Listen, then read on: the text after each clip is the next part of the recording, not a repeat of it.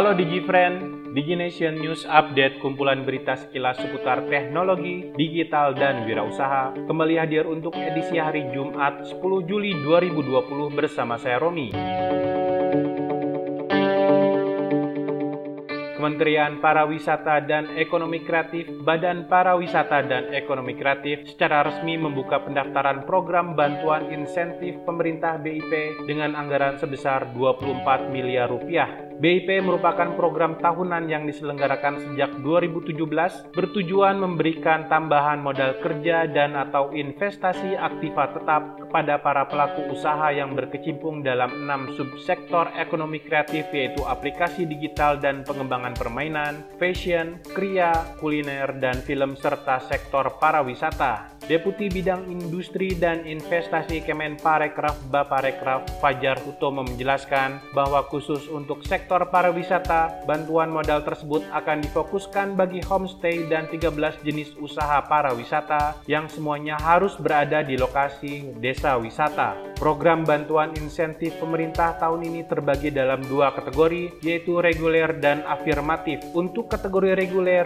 BIP dapat diberikan kepada pelaku usaha berbadan hukum seperti PT, koperasi, dan yayasan atau perkumpulan dengan maksimal bantuan yang diberikan sebesar 200 juta rupiah. Sementara untuk kategori afirmatif dapat diberikan kepada pelaku usaha yang belum berbadan hukum seperti UD, firma atau CV dengan maksimal bantuan sebesar 100 juta rupiah.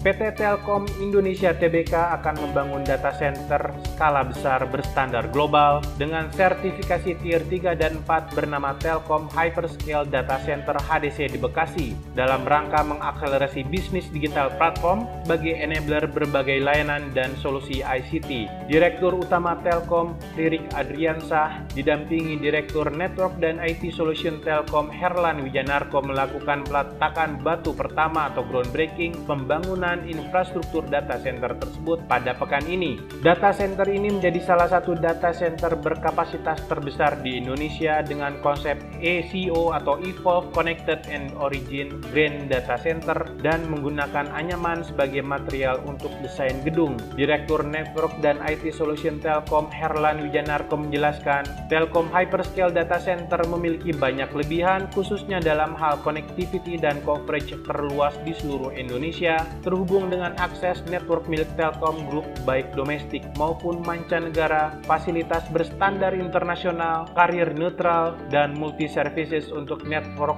provider lain. Telkom saat ini telah memiliki 22 data center yang terdiri dari 5 data center internasional, 14 nucentric, serta 3 data center tier 3 dan 4.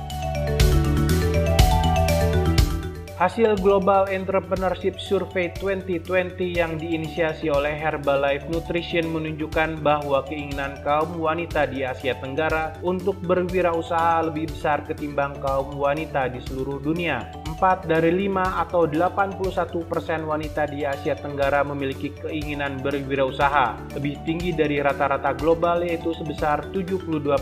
Sementara keinginan berwirausaha paling banyak disebutkan oleh para Z generation dan milenial yang berusia 18 sampai 39 tahun. Survei yang dilakukan pada Maret dan April 2020 ini menjajaki pendapat 9.000 wanita berusia 18 tahun ke atas yang tersebar di 15 negara negara termasuk 2.000 wanita di Indonesia, Malaysia, Filipina, dan Singapura. Survei tersebut juga menemukan sejumlah alasan praktis yang menjadi dorongan utama untuk menjadi wirausahawan wanita pada saat ini, yaitu menghidupi keluarga, keinginan menjadi pemimpin, serta mengubah karir.